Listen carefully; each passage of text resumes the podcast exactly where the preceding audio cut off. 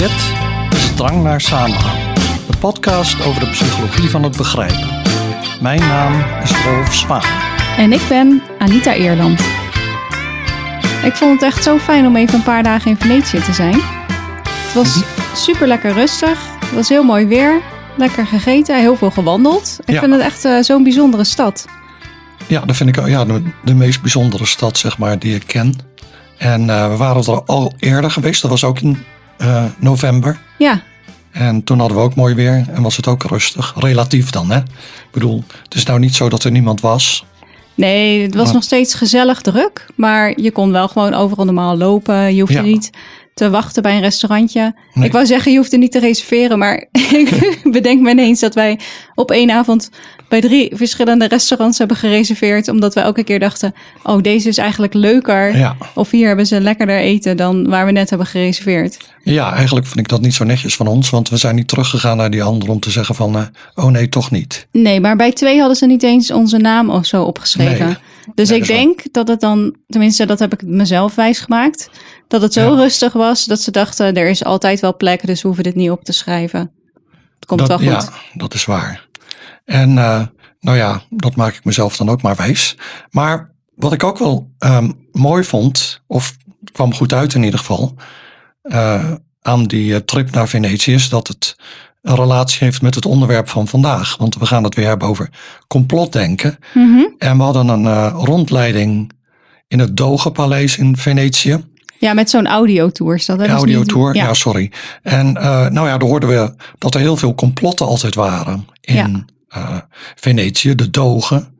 En trouwens, ik ken, mijn kennis van Venetië was tot op heden, ook al waren we er al eerder geweest, gebaseerd op eh Suske en Wiske en de Tartaarse helm.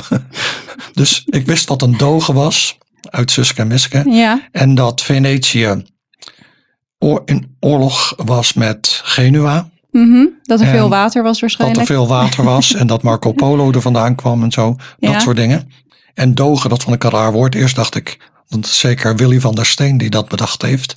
Hè, van Suske en Wiske. Maar de, zo heet dus echt de... Het, ja, het is eigenlijk een staatshoofd hè, van Venetië. ja, ik vind het nog steeds Ja. best een raar woord. En ik, Ja. ik kan me de, het komt ken van het woord- eh, legerleider. Eh, ja, ik ken het het- woord niet in een ja. andere context, alleen maar in de context van Venetië. Ja, oh zo, ja, ja, op die manier. Ja, dat klopt. Maar Mhm. de reden dat ik het eh, relevant vond, is dat er heel veel complotten de hele tijd waren. Of mensen werden beschuldigd van complotten. Ja, En, dan, en er is één doge, die is zelfs onthoofd omdat hij beschuldigd werd van een complot. mhm. Maar het is niet duidelijk of er echt een complot was. Of ehm, dat het eh, de edelen waren die hem beschuldigd hadden van. eh, nou, dat is dan toch vervelend als je Ja. daardoor, daarvoor onthoofd bent. Ja, dat is wel een beetje lastig natuurlijk. Maar ehm, wat ik wel interessant vond is dat door heel Venetië heb je leeuwenkoppen, Mhm. bakken de leone. Mhm. En eh, dat waren dus eigenlijk een soort brievenbussen waarin mensen anoniem of niet anoniem, eh, waarin ze briefjes konden stoppen om bijvoorbeeld te klagen over het riool of zo. Maar ook om te zeggen van die en die zijn bezig met complotactiviteiten tegen de overheid of wat dan ook. En die eh, berichten werden dan eh, nou ja, serieus genomen. En als het dan zo was dat er inderdaad iets aan de hand bleek te zijn, dan werd er opgetreden. En was het een valse beschuldiging, dan werd er ook opgetreden tegen dus de valse beschuldiger. Ja, maar dat kan dus niet als dat anoniem was gedaan. Dan kan dat niet. En bovendien vraag ik me af, eh, soms weet je het toch niet helemaal zeker. Want nu met dat, die doge Marine Valier. Klinkt meer Venetiaans dan Italiaans, moet ik zeggen. Eh, maar ehm, die werd beschuldigd van een complot. Maar nog steeds zijn de historici er niet over uit of het nu een echt complot was. Ja, Dus ja, zo'n onderzoek is misschien ook niet super grondig gedaan. nee, maar, maar dus in ieder geval dat er de mogelijkheid is om anoniem, mensen te beschuldigen. Dat, eh, dat herkennen we ook al uit deze tijd. Maar Ja. dat is dus niet van deze tijd. Nou ja, die link met complotdenken is dan makkelijk gelegd. En eh, daar gaan we dus vandaag ook over hebben.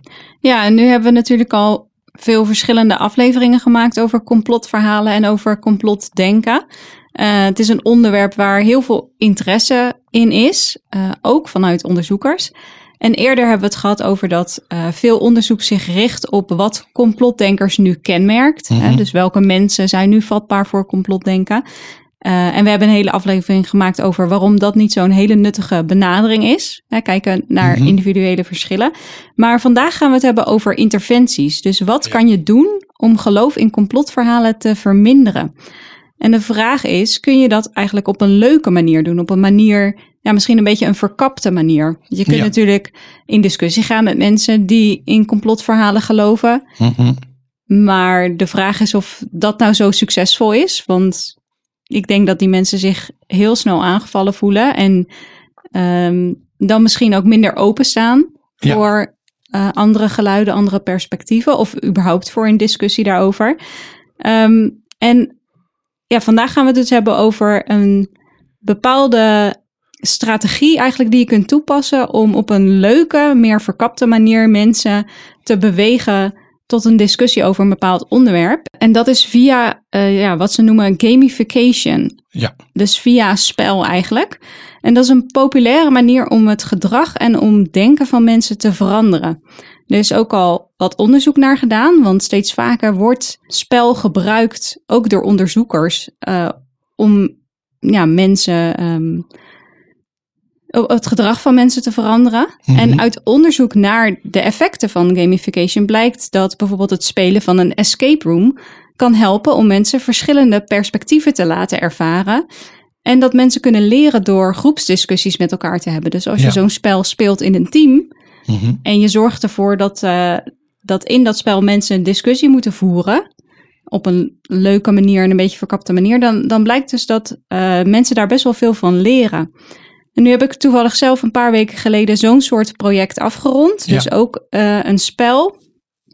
Dat was een online escape room. Ziet er heel goed uit trouwens. Ja, het is echt eh, heel mooi geworden. Eh, is ook ontwikkeld met echte spelontwikkelaars. Dus die ook escape rooms maken.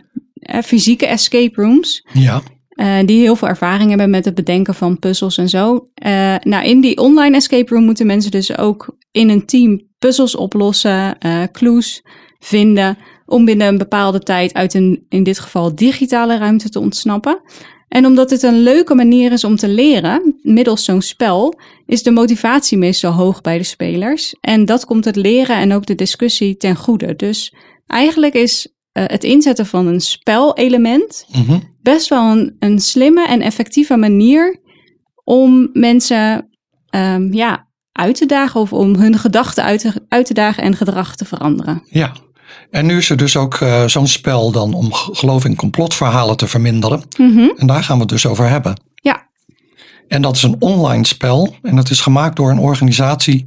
En die heet School of Thought. En dat is dan een woordspeling. Want een School of Thought is eigenlijk een denkstroming, zeg maar, in de filosofie. Zoiets als logisch positivisme. Maar hier is het dus letterlijk een school eh, om beter te leren denken. Ja, is goed bedacht. En, ja, en daar gaan we het later nog over hebben, wat dan precies die daarachter zit. Maar nu gaan we het eerst over dat spel hebben. En wat je je eigenlijk voor moet stellen, hè, als je dus wil dat iemand dat spel speelt, is dat het iemand moet zijn die eventueel in een bepaalde in een bepaald complotverhaal gelooft. Mhm. Misschien niet, eh, misschien wel, ze weten het niet zeker. Kun je dan dit spel gebruiken om die persoon wat kritischer te laten kijken naar dat verhaal? En dus voor zo iemand is het spel bedoeld. En wij hebben het eh, vast uitgeprobeerd. Maar ja, voor ons is het spel eigenlijk niet bedoeld. Ja, wij zijn inderdaad niet de doelgroep, maar ik vond het wel leuk om te kijken wat ze dan gemaakt hebben. En ook, daar gaan we het later over hebben, wat een beetje de theorie dan daarachter is. Dus waarom zou dit spel dan werken? Uh, maar misschien goed om eerst even iets te vertellen over het spel Ja. zelf. Um, je wordt eigenlijk opgezogen do- door een ruimteschip. Uh, en je ontmoet dan in dat ruimteschip een buitenaards wezen. Een soort intelligente chameleon. Ja, Pathetic human! Your feeble attempts to overcome your own biases will inevitably fail!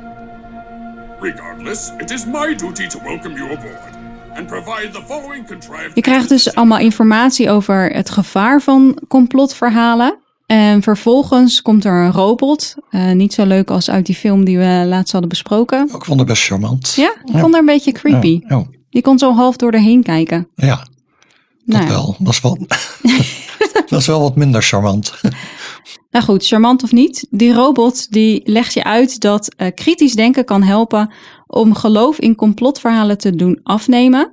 En vervolgens vraagt zij, denk ik, uh, dan ja.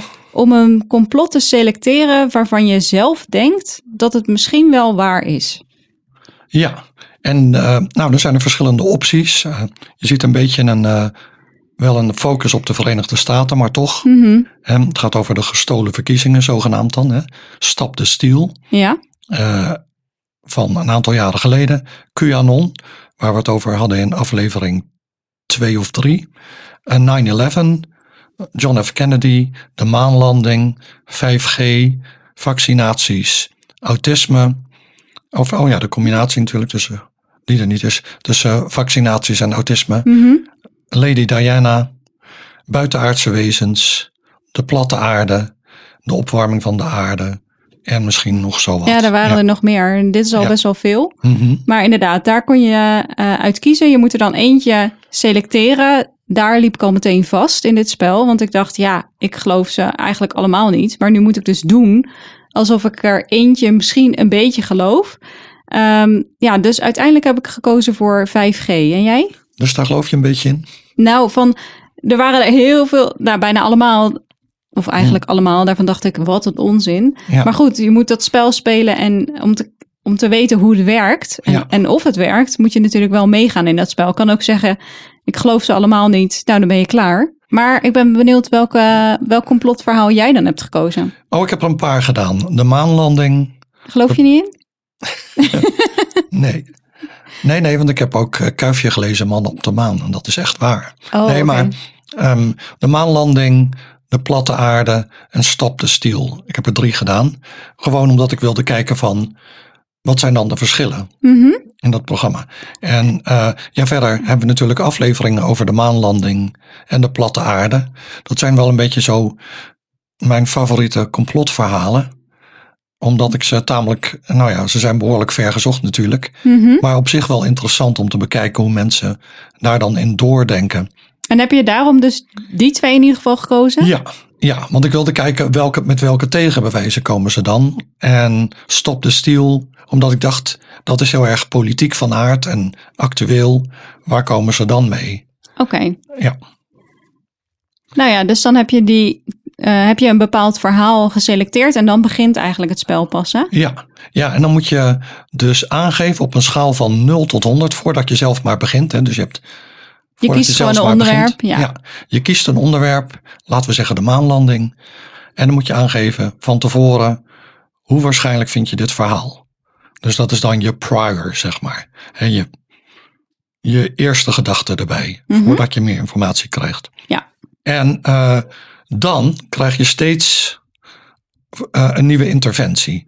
Dus eh, bijvoorbeeld, er wordt gezegd van, besef je wel dat om zo'n complot in stand te houden, er een enorm grote groep mensen bij dit complot betrokken zou moeten zijn. En dat het heel, zelfs met een kleine groep al onmogelijk is om een geheim te bewaren. Dat is, dat wordt, nou, dat is een bekend tegenargument tegen complotverhalen. Mhm. Dus dat wordt ook hier gebruikt.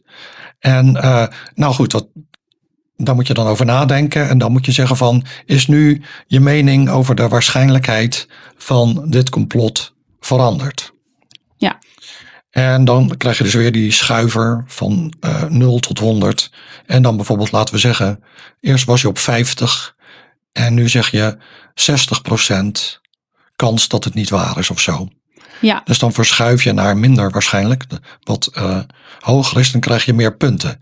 Kritisch eh, denkpunten. Maar als je dus van tevoren al niet gelooft in die theorie, of in dat eh, verhaal, ja, dan zit je al op 99. Je kan geloof ik niet helemaal naar 100. En Volgens dan, mij ook niet, nee. en dan kun je dus niet verder omhoog. Nee. Dus dat is, eh, dan Dus is, dan verdien je nul punten. nou je krijgt dan nog steeds wel punten. Maar wat dus heel der- duidelijk gemeten wordt, is de verschuiving Ja. van jouw denken op basis van argumenten. Dat eerste heb ik nu genoemd, maar er zijn er nog meer.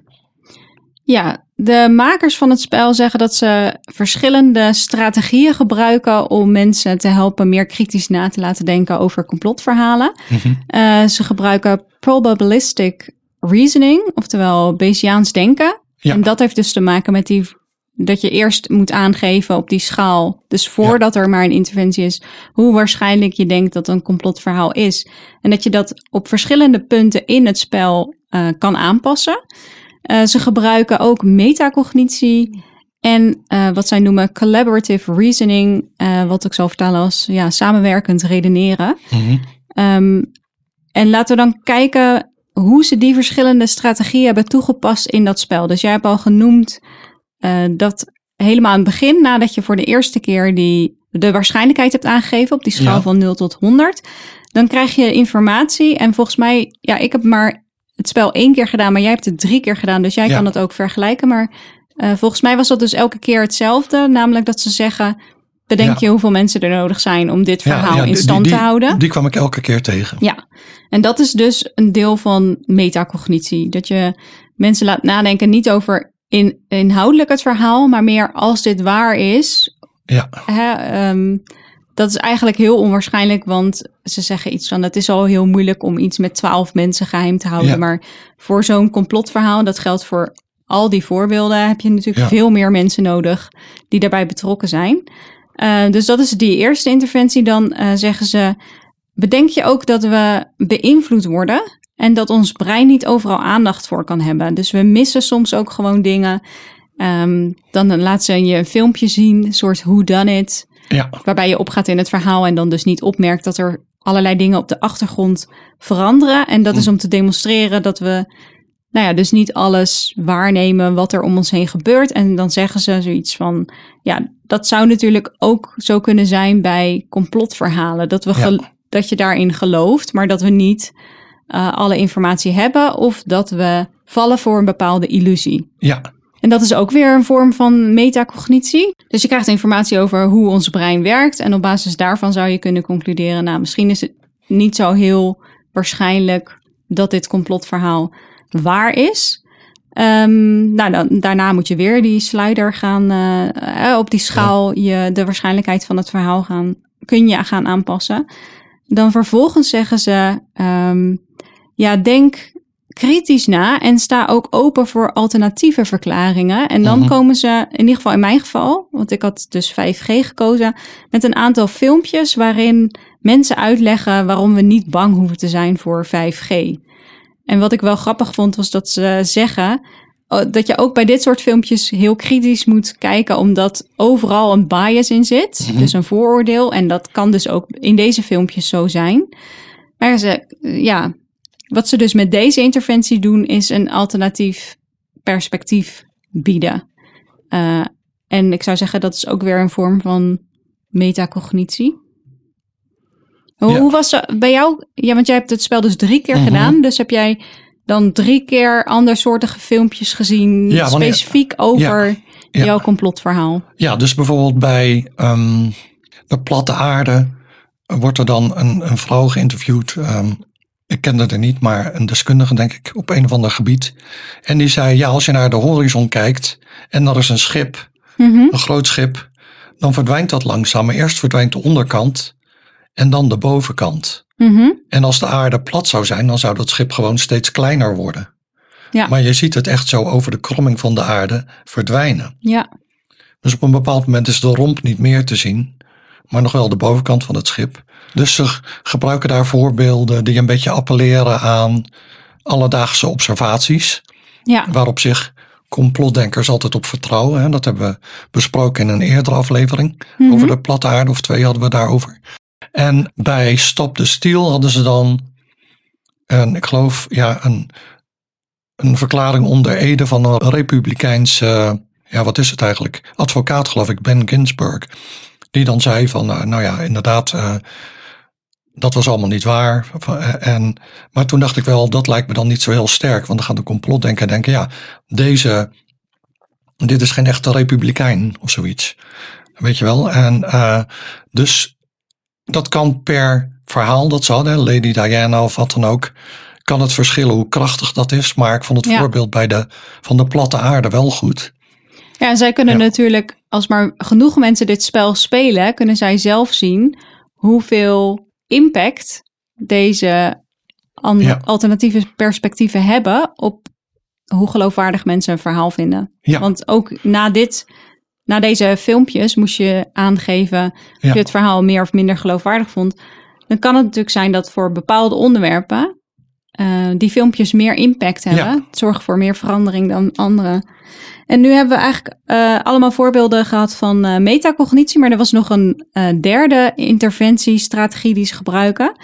En dat was dat samenwerkend redeneren. Mhm. Daar gaan we het straks nog even over hebben. Maar het laatste onderdeel van het spel was dat je statements te lezen kreeg van andere mensen die Ja. datzelfde complotverhaal hadden gekozen als jij. Mhm. Ehm, en in die statements gaven mensen aan waarom ze tot de conclusie waren gekomen. Eigenlijk dus op basis waarvan. Dat het door hun gekozen complotverhaal niet waar kan zijn. Dus Ja. dan krijg je een beetje inzicht in de gedachten van andere mensen. Die eerst misschien dachten dat het complotverhaal waar was. Maar nu Ja. denken dat dat toch minder waarschijnlijk is. Ja, dat vermoed ik dat ze dit ook gebruiken om data te verzamelen. En, Ik denk eh, het wel, ja. ja. Maar daarom had ik het dan beter gevonden als ze dus ook echte complotten erbij hadden, zoals Watergate of zoiets. Mhm. Maar dat hebben ze dus niet gedaan. Eh, want nu weten mensen gewoon, ik moet bij alles zeggen van, eh, ik ben nu wat sceptischer, want dan krijg ik meer punten. Ja, als, de, als je Als je doel is om zoveel halen. mogelijk punten Ja, te verzamelen, dan wel ja. En dat vond ik dus wel een beetje frustrerend eraan. Als je Ja. al denkt Ja. dat het niet waar is, ja, dan kun je op een gegeven moment niet verder eh, naar rechts schuiven. nee. Ja, dus nu hebben we die interventies besproken. Mhm. En nu is de vraag natuurlijk, hoe werken die? Waar zijn ze op gebaseerd? Zijn ze Ja. gebaseerd op psychologisch onderzoek? En dat is eh, wel degelijk het geval. Dus bijvoorbeeld het hele idee dat erachter zit van je hebt een basis eh, inschatting van de waarschijnlijkheid van iets, daar begin je Mhm. mee. En dan op basis van nieuw bewijs stel je die aanvankelijke inschatting bij. Mhm. Dat is dan Bayesiaans redeneren. Daar hebben we het ook al over gehad in de aflevering over klimaatontkenning. Dus het principe dat je begint met een initiële inschatting en eh, daar dan eh, die actualiseert op basis van nieuwe informatie. En dan kun je dus precies zien hoeveel bepaalde informatie bijdraagt aan die verandering. Ja, ja en dat dus dan wat dat betreft het niet eh, zwart of wit is in het begin. Het kan allebei, je moet gewoon voldoende informatie hebben. Eh, laten we zeggen, heb je dan het gevoel van nu weet ik het eh, bijna zeker. Dan kun je zeggen ik vind dit of zo. Of Ja. dit en dat is het geval. Ja. Maar heel vaak in eh, nou ja, dis- discussies in de actualiteit zie je dat mensen al onmiddellijk een mening hebben.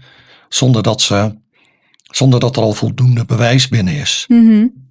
Ja, en als je zo stellig bent in het begin, is het ook heel moeilijk om daarop terug te komen als je nieuw bewijs Mhm. krijgt. Ja. Dus het is eigenlijk wel beter om in het begin wat minder uitgesproken te zijn Ja. en gewoon te wachten tot er meer bewijs is. En voor jouw gevoel voldoende bewijs om uiteindelijk Ja. tot een ehm, mening te komen.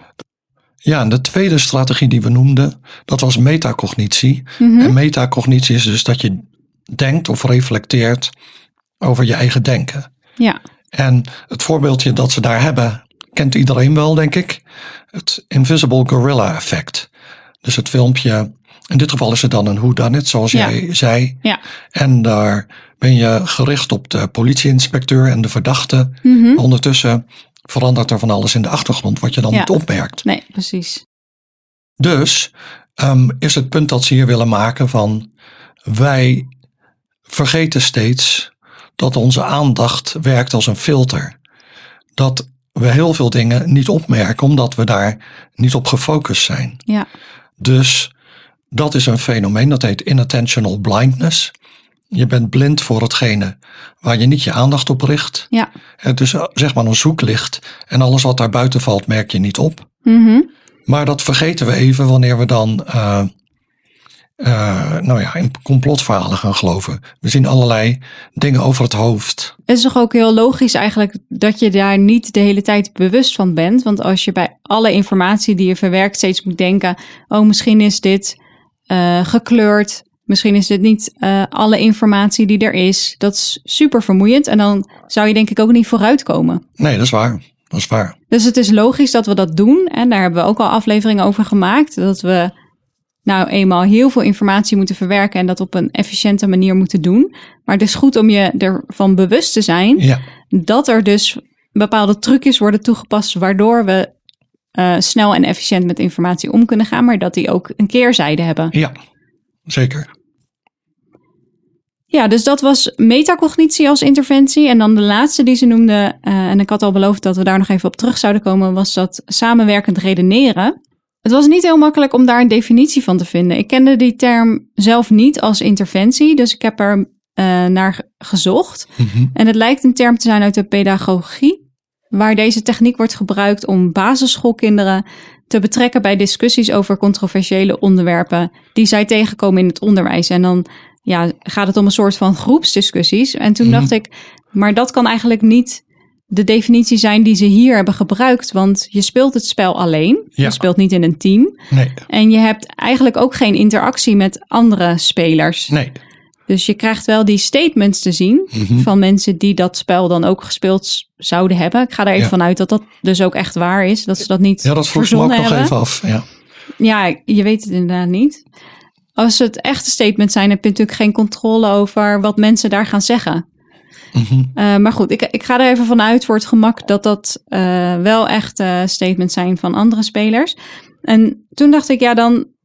Um, ik heb ook over dat samenwerkend redeneren gelezen in een andere context, die dan beter past bij dit onderdeel van het spel. Want samenwerkend redeneren wordt soms ook gebruikt om grote, complexe problemen aan te pakken. Mhm. En dan is het idee dat iedereen een klein deel van de informatie levert. Um, en dat is misschien wel een beetje wat je ziet bij die statements, namelijk dat je inzicht krijgt in de gedachten van andere spelers die dan hun probleem Ja. met dat complotverhaal min of meer hebben opgelost en dat jij dat kunt gebruiken um, voor je eigen probleem. Ja. Nou ja, probleem tussen aanhalingstekens, jouw eigen geloof in dat complotverhaal. Ja, dus ik denk dat dat onderdeel van het spel dus gebruik maakt van dat uh, collaborative reasoning. Ja. Nou, door wie is het spel ontwikkeld? Daar hebben we al een beetje over gezegd. Dat is dus die uh, School of Thought. Mm -hmm. En dat is een non-profit organisatie. En die zet zich in voor het bevorderen van kritisch denken, redeneren en begrip. En ze hebben allemaal gratis bronnen. Dus die zijn voor iedereen toegankelijk. Net zoals dit spel. Mm -hmm. En ja, ze geloven dat als we dus de uitdagingen van deze eeuw willen aangaan, dan moeten we de volgende generatie leren hoe ze moeten denken in plaats van wat ze moeten denken. Dus in plaats van ze feiten te laten leren, te laten stampen, moeten we ze leren kritisch te denken. En dat kan dan door gebruik te maken van gamification, zoals jij zei. Dus dat is dit spel bijvoorbeeld. Mhm. En door het vrij beschikbaar maken van uh, andere materialen voor iedereen. Ja, want het is misschien wel goed om te noemen dat wij het nu hebben gehad over dit spel dat zij hebben ontwikkeld om geloof in complotverhalen te verminderen. En om Ja. mensen in die context uh, kritisch te laten nadenken. Maar ze richten zich ook op allerlei andere, ja, als ik het zo mag noemen, denkproblemen. Ja, net zoals wij in de podcast. Ja, precies. Dus ze hebben het ook over vooroordelen bijvoorbeeld. En Ja. over uh, fallacies, waar ik even geen goed Nederlands woord voor weet. Ik zou zeggen denkfouten. En uh, daar hebben we het over gehad in de aflevering Kort door de bocht. Mhm. Kort door de bocht denken. Ja. En nu hebben we, nou ja, hier hebben ze nog meer voorbeelden dan wij toen genoemd hadden. Dus uh, dat is op zich wel leuk om een beetje doorheen te gaan. Ja, want En- ze hebben dus op hun website een hele eh, een poster die is beschikbaar gesteld. Die kun je Ja. gewoon downloaden. Dan kun je hem zelf printen en ophangen of gewoon eens bekijken. Ze hebben ook allemaal kaarten. Die kun je Ja. dan kopen. Waar, dus dan heb je al het geprinte materiaal. Met allemaal van die vooroordelen en denkfouten erop. Dus dan Ja. ja. kun je zelf nadenken over creatieve toepassingen van die kaarten in bijvoorbeeld je onderwijs of zo. Ja, je zou studenten laten kunnen kijken op het internet van kom je die fouten tegen. Dus bijvoorbeeld één zo'n fallacy, dat een denkfout is wat ze noemen anecdotal. Alles is in het Engels hier. Mhm. Dus dat je een persoonlijke ervaring gebruikt of een geïsoleerd voorbeeld in plaats van eh, overtuigend bewijs. Ja, Dus dat is een van- bekende. Ja, dat heb ik al eens eerder geze- ge- gezegd, geloof ik. eh, dat iemand zegt van, eh, oh nee, er is helemaal geen klimaatopwarming. Want ik heb kennissen en die zeiden dat ze op de ja- in de jaren tachtig op vakantie waren in Spanje. Toen was het ook 40 graden. Ja, precies. Of ik moet altijd denken aan dat al lang bekend is uit wetenschappelijk onderzoek dat eh, roken de kans op longkanker bijvoorbeeld verhoogt. Mhm. En dat dan iemand zegt, nee hoor, want ik ken iemand die rookt al zijn hele leven en die is 98 geworden, zoiets. Ja, ja dat is een Zonder, ander. zonder dan eh, longkanker te ontwikkelen, anders is die link een beetje mis. Maar dat is dus ook anekdotisch eh, bewijs. Nou Ja. ja. bewijs tussen aanhalingstekens. En een ander voorbeeld dat we eerder niet besproken hadden, maar toevallig werd ik er laatst weer aan herinnerd, is eh, de No True Scotsman fallacy. Die ken ik niet. Nee, dat is dat, nou, dat je iemand hebt, laten we zeggen Angus, en die zegt: Schotten doen geen suiker in hun pap. Mhm. En dan zegt Lachlan, een andere schot: Nou, ik ben een schot en ik doe wel suiker in mijn pap. En dan zegt eh, Angus: Een echte schot doet geen suiker in zijn pap. Dus met andere woorden, hij zegt eh, van: eh, Zo zit het, dit doen echte schotten. Mhm. En als het dan anders is, dan ben je dus geen echte schot. Dus, ah ja, je, dus, de, ja, ja. dus je, je houdt vast aan jouw eigen idee. Ja. Namelijk dat schotten, ik ben het even kwijt, wel of geen suiker in de pap doen. Geen suiker in de pap doen.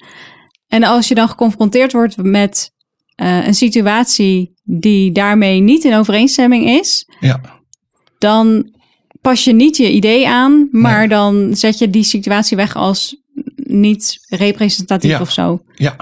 ja, en dat kwam ik dus tegen in iets van de vorige verkiezingen in de Verenigde Staten. Het staat op de CNN-website dat eh, Joe Biden, die werd geïnterviewd door een eh, zwarte radiohost of een eh, podcaster, dat weet ik even niet. En ehm, die zei, ja, ik twijfel tussen u en Trump, op wie ik moet gaan stemmen. En toen zei Biden, nou, als je daar twijfelt, then you ain't black. Dus eh, dat is het No True Scotsman. Een echte persoon van kleur stemt op de Democraten, is de, het Het onderliggende idee, idee. ja. En daar werd hij natuurlijk later hevig op bekritiseerd. Ik denk ook door zijn eigen partij. Dus heeft hij dat eh, aangepast. Maar zo zou je dus die kaarten kunnen gebruiken. Dat je dus aan je studenten of leerlingen de opdracht geeft van zoek hier voorbeelden van in, eh, op het internet of Ja. zo. Ja, ik denk dat dat heel leuk en heel nuttig is. Nou, Ja. voor mezelf ook, want deze kende ik dus nog niet. Nee, ik kende deze dan wel. Maar eh, er stonden er ook andere op die ik niet zo goed ken. En eh, ik denk dat het voor iedereen wel een, eh, een nuttig iets is. Ik bedoel, kijk, als je erover nadenkt, dan is het natuurlijk in het licht van onze eerdere aflevering over I-frame en S-frame, hè, dus maatschappelijke veranderingen, moeten die komen door individuen op een andere manier te laten denken? Mhm. Of moeten er fundamentele veranderingen komen? Ja, En daar was het punt. Die fundamentele veranderingen die werken meestal beter, maar worden tegengehouden. Mhm. De veranderingen op persoonsniveau werken minder goed. ja, maar zijn makkelijker. Zijn makkelijker, Ja. maar in dit geval denk ik, dit soort dingen werken echt wel. Want je ziet ook, ik heb het daar heel vaak over, de ingezonde brief op nu.nl. Maar dan zie je mensen ook dit soort dingen zeggen. Dus er zijn mensen die, die zeggen, je maakt een fallacy, want je, je gebruikt nu een anekdote of zoiets. Of, Ja. eh, eh, oh, dat is eigenlijk ja. wel een goede opdracht dan. Dat je eh, mensen naar dat soort reacties laat kijken. ja, Dus van anderen in discussie. En dan kijken wat, of zij redeneerfouten maken. En zo ja, welke dat dan zijn. ja, En je kunt, wat we zeiden, je kunt die poster of die kaarten kun je gewoon eh, zelf bekijken. We zullen een link in de show notes zetten naar de pagina met al die materialen. En dan kun je zien wat voor denkfouten er allemaal zijn. En kijken of je die kunt herkennen. Dat is natuurlijk al best wel nuttig. Ook al maak je die denkfouten misschien niet zelf. Is het wel nuttig om ze te kunnen herkennen. ja, zeker. Maar nu de vraag van, denk jij dat het spel ehm, het geloof in complotverhalen gaat verminderen? Dat vind ik heel moeilijk om te beantwoorden, omdat ik het spel wel heb gespeeld, maar zelf niet in die verhalen geloofde. En Ja. ik vond het zelf ook heel erg ehm, duidelijk dat de bedoeling was dat je na elke stap, dus na Ja. elke interventie, dat je dan minder in, die, in dat complotverhaal ging geloven. Ja, Dus ja, dat heb ik ook een beetje ingevuld. Ook al kon ik al na de eerste inschatting niet zo heel erg veel meer schuiven. Ehm, ik, ik vind het dus moeilijk om in te schatten of als je echt in zo'n complotverhaal gelooft, of deze informatie je dan over de streep gaat trekken. Maar misschien hoeft dat ook niet. Hè? Misschien is het al voldoende om een zaadje te planten. Ehm, dat zou kunnen. En in die zin zou het wel kunnen helpen. Maar om terug te komen op wat ik eerder zei, ik denk nog steeds dat je dan ook echte complotten zou moeten hebben. En dan, dan zou je dus zeggen, oké, bij dit complot waren die en die mensen betrokken, bijvoorbeeld, hè, dus Watergate. Maar het kwam uit om die en die redenen. Mhm. En dan uh, nou vinden mensen dat geloofwaardig en dit en dat. Geloven ze nu dat er een complot is? Want nu heb je inderdaad die uh, ja, demand characteristics. De, als je hier aan meedoet, dan denk je van, oh, ik zal maar steeds die uh, slider verder naar rechts opschuiven. Ja. Want dan krijg ik meer punten. Ja. Dus dat zie ik een beetje als een, als een nadeel. En verder vond ik het ook een beetje een nadeel dat bij elk complotverhaal een aantal van de schermen hetzelfde zijn. Hè? Dus elke keer wordt er dan gevraagd van, geloof jij uh, dat zoveel mensen dit geheim kunnen houden? Ja, en, en elke keer zie je ja. datzelfde filmpje van de hoe dan het om ja. uit te leggen dat ons ja. brein uh, niet alles waarneemt. Nee, en daar heb ik ook wel een beetje een probleem mee, want dat is een puur perceptuele taak. Dus je, je neemt waar, of dus eigenlijk niet waar, wat er in een kamer gebeurt. Mm -hmm. Maar om dit nu direct te plakken op redeneren over feiten en teksten, dat vond ik een beetje een iets wat grote stap. Ik weet niet of iemand nu meteen denkt, oh ja, ik zag niet dat ze de tafel verschoven hadden. Dus uh, dat betekent dat ik um, open moet staan voor de argumenten van anderen of zo. Dat vond ik best nogal een grote sprong. Ja, ik vraag me af of ze hier niet beter een voorbeeld van zo'n filterbubbel hadden kunnen nemen. Dus ja. hoe het werkt dat als jij al een bepaald idee gelooft, mm -hmm. dat je dan steeds meer informatie krijgt die dat idee bevestigt. Ja. En dat je dan dus minder makkelijk open staat voor nieuwe informatie. Ja. Dat, ja, dus... En dat we dus klikken op informatie die al overeenkomt met wat we denken. Dat is Ja. natuurlijk ook een denkfout. Ja, dat klopt.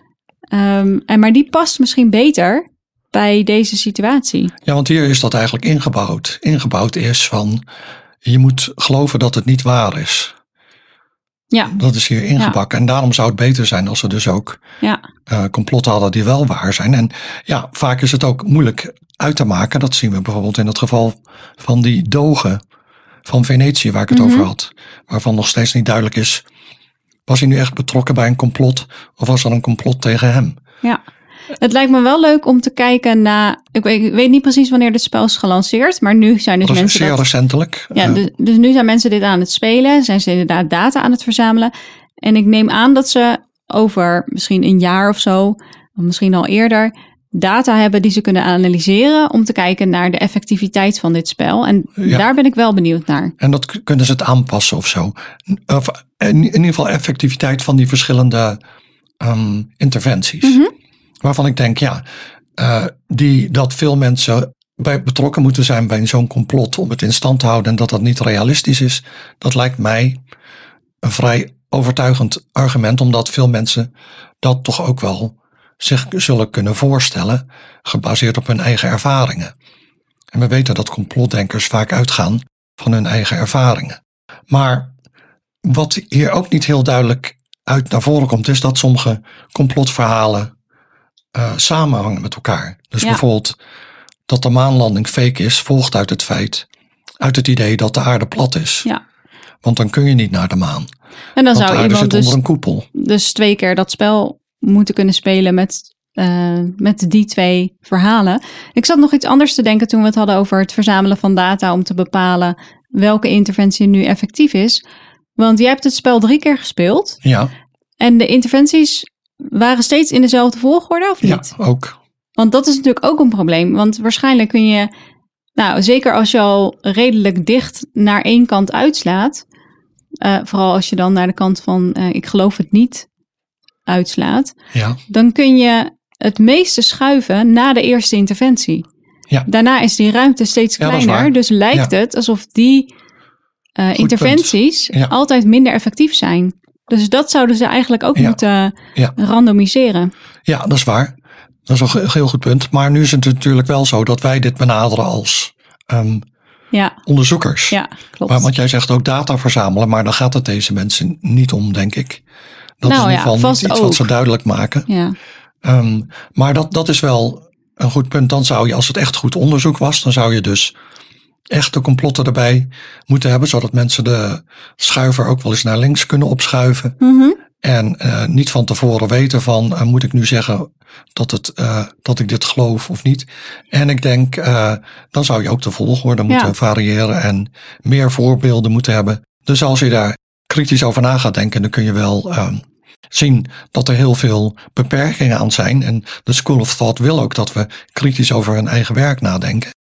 Maar toch denk ik dat het in bepaalde onderwijssituaties wel gebruikt kan worden. Of misschien als je een familielid hebt dat gelooft in een bepaald complotverhaal. En dan krijg je soms wel mails van mensen die dan zeggen: Ja, mijn oom of weet ik veel wat, die gelooft in een complotverhaal. Uh, wat kan ik daaraan doen? Kun je nu zeggen? Als je Engels spreekt in ieder geval, kun je dit spel spelen. Het is ja. uh, gratis toegankelijk. Um, de link zullen we in de show notes zetten.